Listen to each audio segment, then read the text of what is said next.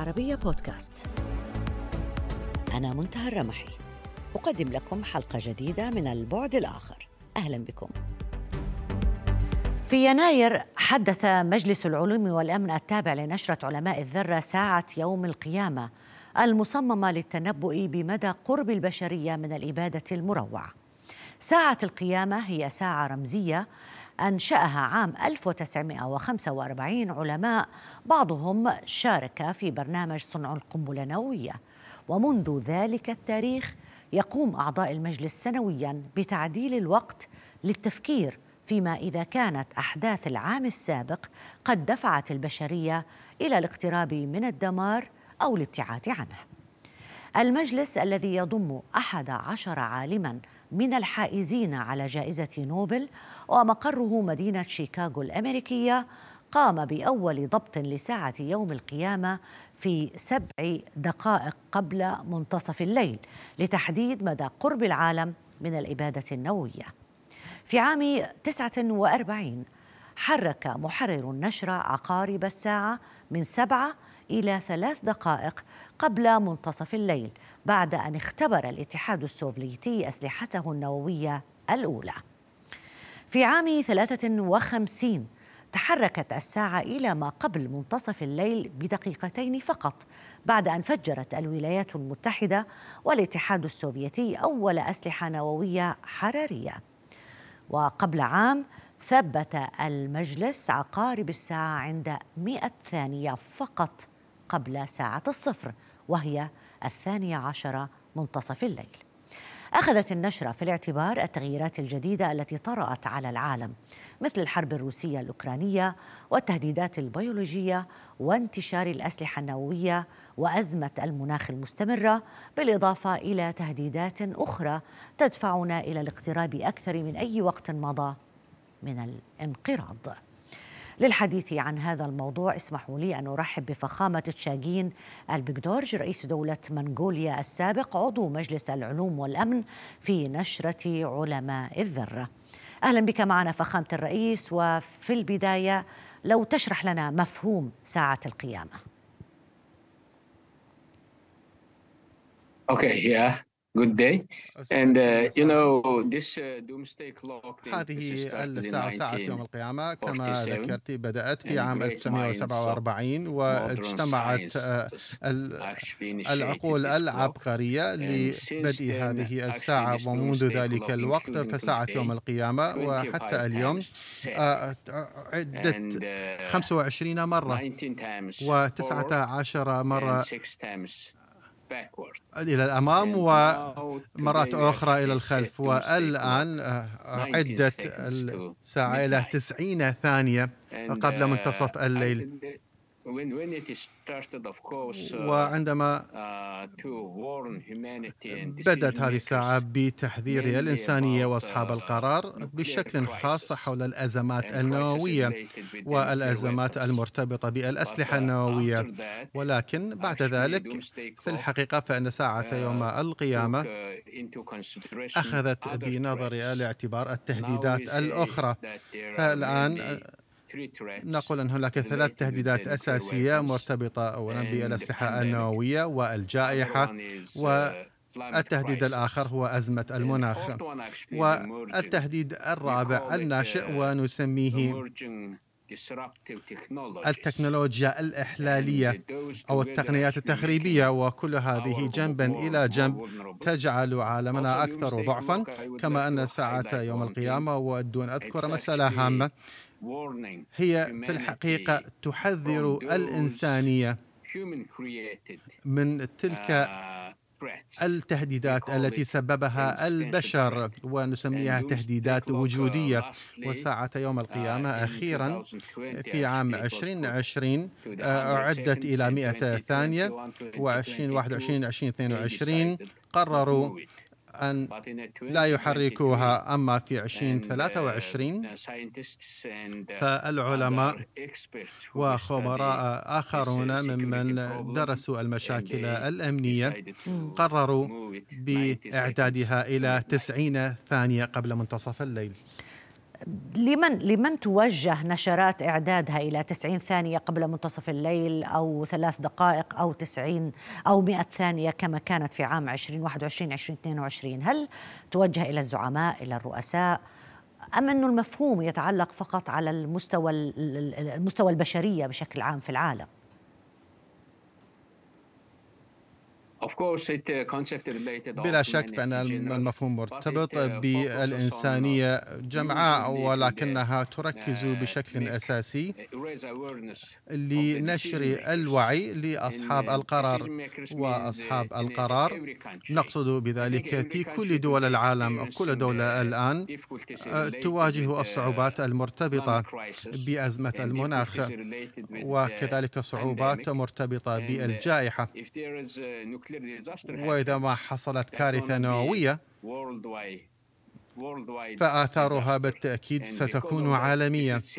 وهي ساعة رمزية. ونداء اليوم هو مثل دناء اليقظة.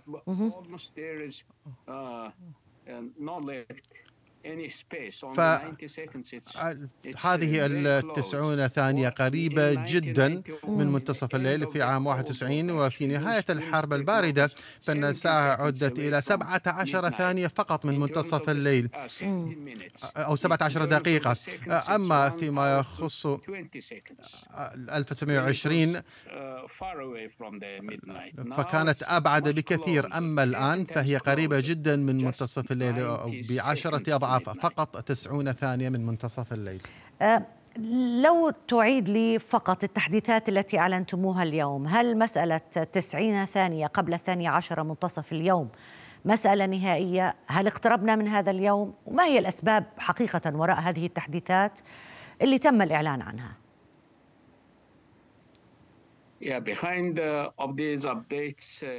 الأسباب وراء هذه التحديثات هي التهديدات الوجودية المرتبطة بالأسلحة النووية والكوارث المناخية والجائحات كما أن هنالك التقنيات التخريبية وما يسمى بالإحلالية فمثلا الذكاء الاصطناعي. فهذا يذكر الجميع. مدى قربنا من يوم القيامة أو الهلاك وكل أصحاب القرار عليهم أن يتذكروا دائما ذلك وعندما يتأملون هذا الوقت الضيق فسوف يتخذون القرارات الجيدة على سبيل المثال خلال الجائحة. عندما قدموا اللقاحات الجديدة وعندما تضافرت جهود العالم في الحقيقة تمكنا من منع العديد من الوفيات والكثير من الأشياء السلبية. فجنبا إلى جنب مع العلماء ومع الباحثين نستطيع أن نجعل قراراتنا أكثر دقة. طيب. فخامة الرئيس آه، المرة الأولى هذه التي تضيفون فيها العوامل المناخية للتهديدات والمرة الأولى التي نتحدث فيها عن التكنولوجيا والذكاء الاصطناعي. آه، تم النظر إلى أن الذكاء الاصطناعي بجله إيجابي. هل هذا يعني أن خطورة الذكاء الاصطناعي تهدد البشرية الآن؟ من أي نواحي تحديدا؟ وماذا عن البيئة؟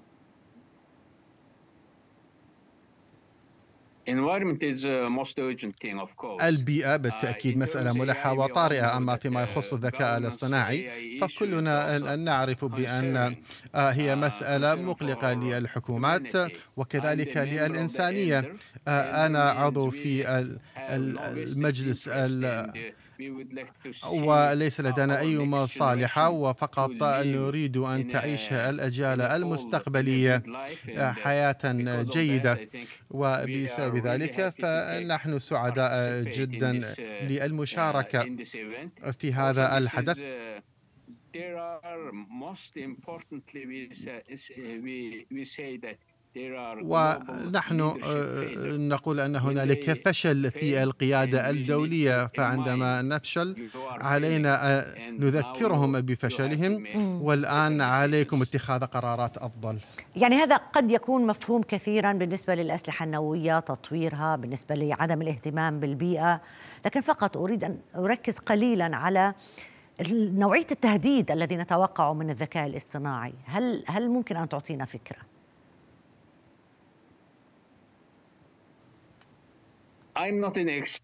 أنا لست خبيرا في الذكاء الاصطناعي. Uh, وقرأت الكثير عنه وأنا بالتأكيد أتبع الأدلة العلمية. uh, فإذا ما كان uh, الذكاء الاصطناعي يتجاوز القدرة العقل البشري. فكيف سوف نتعايش معه إذا ما كان الذكاء الاصطناعي؟ إذا ما تجاوز حتى قدرات وقوة البشر فسيمثل تهديدا لهم. فهذه مشكلة كبيرة. أما من ذلك فعلينا أن نركز بشكل أكبر على التهديدات النووية أو التهديدات الوجودية التي زادت خطورتها مثلا الأسلحة النووية والحرب بين روسيا وأوكرانيا اليوم. وتلك البيانات التي صدرت خلال الحرب فكلنا نعرف أن الحرب قد تتحول إلى حرب نووية وكل هذه المسائل مرعبة جدا كما أن هنالك الكوارث الطبيعية. فنحن نشهد آه، تبعات التغير المناخي عبر الكوارث الطبيعية وحتى الجائحة التي ذكرتها قبل قليل. كيف كيف تقيم لي التهديد النووي في هذه اللحظة على المستوى العالمي؟ Uh,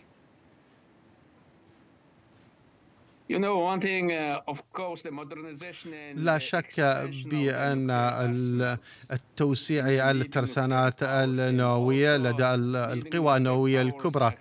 وهذه القوى النووية تخلت عن معاهدة الصواريخ متوسطة المدى.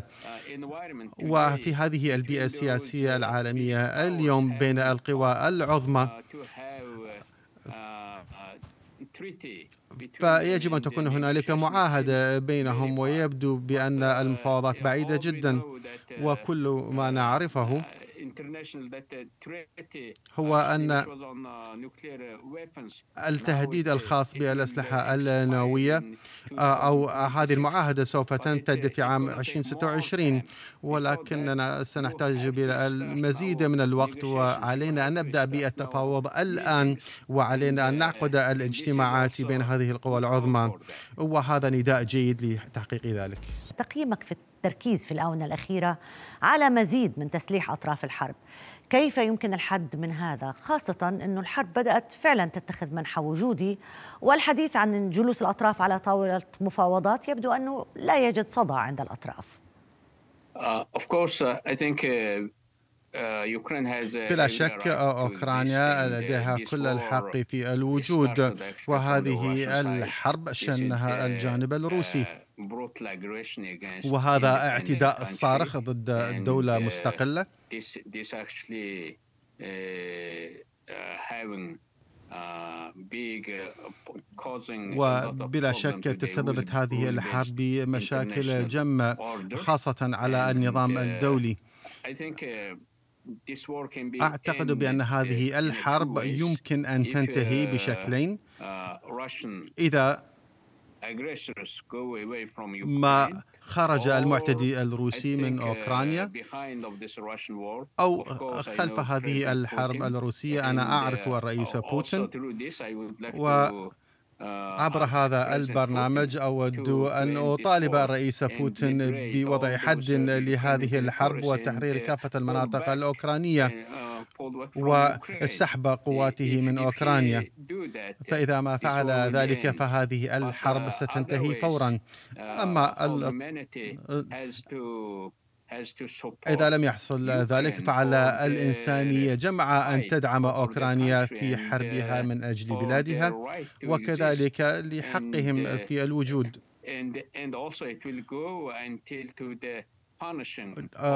وسيصل الأمر إلى مساءلة ومحاسبه كافة الأشخاص المسؤولين عن هذه الحرب.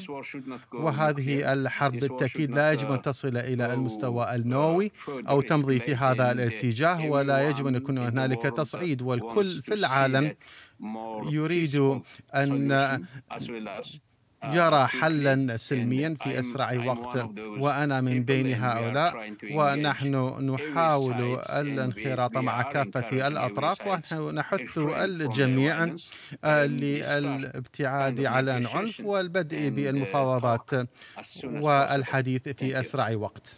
صحيح أنه لم تبدأ حرب نووية أو لم يعني يعلن عن حرب نووية لكن هناك مراقبون يتحدثون عن كوننا فعلا دخلنا مرحلة هذه الحرب بشكل متدرج بعد أن كثر الحديث عن أسلحة روسيا وأوكرانيا التكتيكية إلى أي مدى يمكن أن يكون هذا الخطر مشابه لحرب نووية.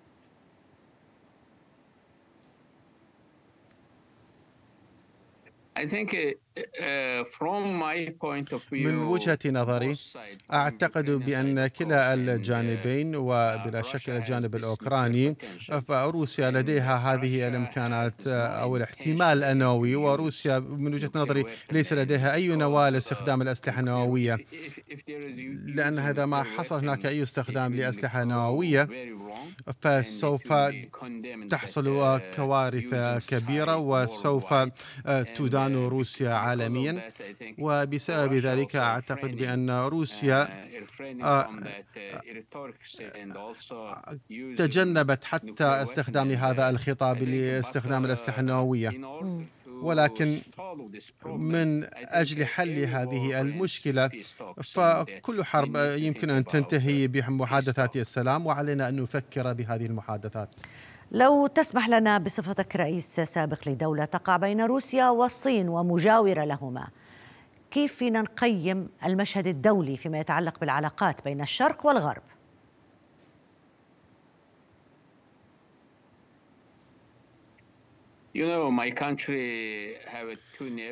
كما تعرفون فالدولتين المجاورة لبلاد هي الصين وروسيا ومنغوليا هي الديمقراطية الوحيدة بين البلدين منذ عام 1990 وكل دولة من ضمنها حتى دول الجوار لمنغوليا يحترمون استقلالنا وسيادتنا وخيار شعبنا Uh, أعتقد بأننا يجب أن نستفيد من التعاون وليس من المواجهة.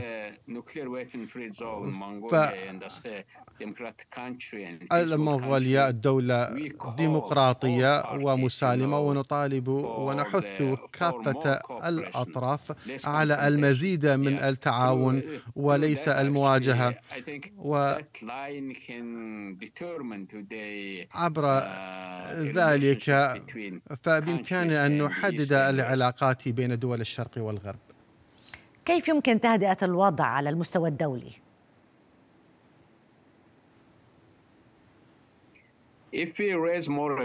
إذا ما نشرنا uh, المزيد من الوعي uh, وإذا ما أصغى القادة لهؤلاء الأشخاص الذين يرفعون uh, أصواتهم. وإذا ما اطلعنا على الأدلة العلمية.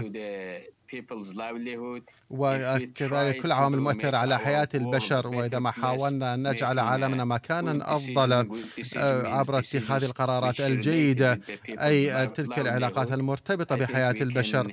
فبإمكاننا أن نهدئ التوترات وبلا شك وبهذا الخصوص فأن المنظمات الدولية المتعددة يجب أن تلعب أدوارا ريادية من ضمنها المتحدة وحتى المنظمات الأخرى. فيجب أن تقوم بأعمال أكبر لتهدئة تلك التوترات بين الدول. نفهم بأنه آه، ساعة القيامة هذه كل ما اقتربت من الثانية عشرة منتصف الليل وكأنه يرتفع خط الخطر إلى اللون الأحمر. هل حصل أنه من عام 45 من, من وقت إنشاء هذه الساعة حتى الآن أو من قبل ذلك أن تراجعنا عن, عن بدلا من أن نتقدم نحو منتصف الليل هل حصل أنه تقدمنا وتراجعنا إلى الخلف؟ نعم حصل ذلك في الحقيقة. عندما بدأت عام 1947 بدأت من سبع دقائق. وكل ما نعرفه من تاريخنا فالإنسانية كانت قريبة جدا من نقطة حرجة. عندما حصلت أزمة الصواريخ الكوبية وحصل ذلك عام 1962 وبعد عام 63 تم إعداد يوم القيامة. ولكن عندما حلت تلك الأزمة أزمة الصواريخ الكوبية عبر السبل السلمية. واتخذت آه، الإنسانية أنفاسا عميقة. وبالتالي فقد أعيد ضبطها إلى سبع دقائق. وأيام الاتحاد السوفيتي والولايات المتحدة عندما وقعوا معاهدة الأسلحة النووية حول خفض الأسلحة النووية. وكذلك آه، منع وحظر التجارب النووية. فضبطت الساعة يوم القيامة إلى 17 دقيقة في عام 91 ومنذ ذلك الوقت وساعة يوم القيامة لم تتراجع. دائما اقتربت من منتصف الليل. ولهذا اليوم اليوم بالتحديد وصلت إلى آه، أقرب ما يمكن. وهذا يعني بأننا بحاجة إلى المزيد من التضافر والتعاون والتفاهم والأدلة العلمية واضحة. أعتقد بأن الأدلة العلمية ليست مرتبطة بأي قومية وليست محلية بل هي عالمية. وعندما ضبطوا ساعة يوم القيامة إلى 100 ثانية في عام 2020 أعتقد بأنها كانت دقيقة جدا. فإذا ما اطلعنا إلى النزاع في أوكرانيا أوكرانيا والجائحة وكل التطورات المرتبطة بأزمة المناخ. فأعتقد بأن هذا التوقيت دقيق جدا وتقريبها عشر ثواني اليوم أيضا. توقيت دقيق خاصة إذا ما أصغينا إلى الخبراء الذين قدموا الأدلة العلمية فالأمر منطقي جدا. الآن الأمر كله بيد أصحاب القرار العمل ونشر الوعي وعليهم أن يفكروا بساعة يوم القيامة من أجل إبعادها عن منتصف الليل. في الختام أود أن أقول بأن مهما كانت المخاطر عالية فهنالك دائما الأمل. ودائما هنالك الأشخاص الراغبين بالتعاون وكذلك دول ترغب بالتعاون وهنالك تطورات تكنولوجية عظيمة وهنالك إمكانات كبيرة جدا لحل كل تلك المشاكل المرتبطة بالتسليح وكذلك أزمة المناخ والجائحات. وأعتقد دائما هنالك الأمل الرئيس مانديلا كما كان يقول الأمر دائما يبدو مستحيلا إلى أن يتم وعلينا أن نسعى للعمل الجيد والصالح وإذا ما عملنا جاهدين وأصرينا فستكون المخرجات جيدة. شكرا جزيلا. نحن الآن 90 ثانية قبل منتصف الليل في ساعة القيامة. شكرا جزيلا لك آه، فخامة رئيس دولة منغوليا السابق تشاغين البغدورج عضو مجلس الشيوخ في نشرة علماء الذرة. ألف شكر لك. وإلى هنا انتهت حلقة اليوم. من البعد الآخر يمكنكم دائما متابعتنا على مواقع التواصل الاجتماعي تويتر فيسبوك ويوتيوب. إلى اللقاء.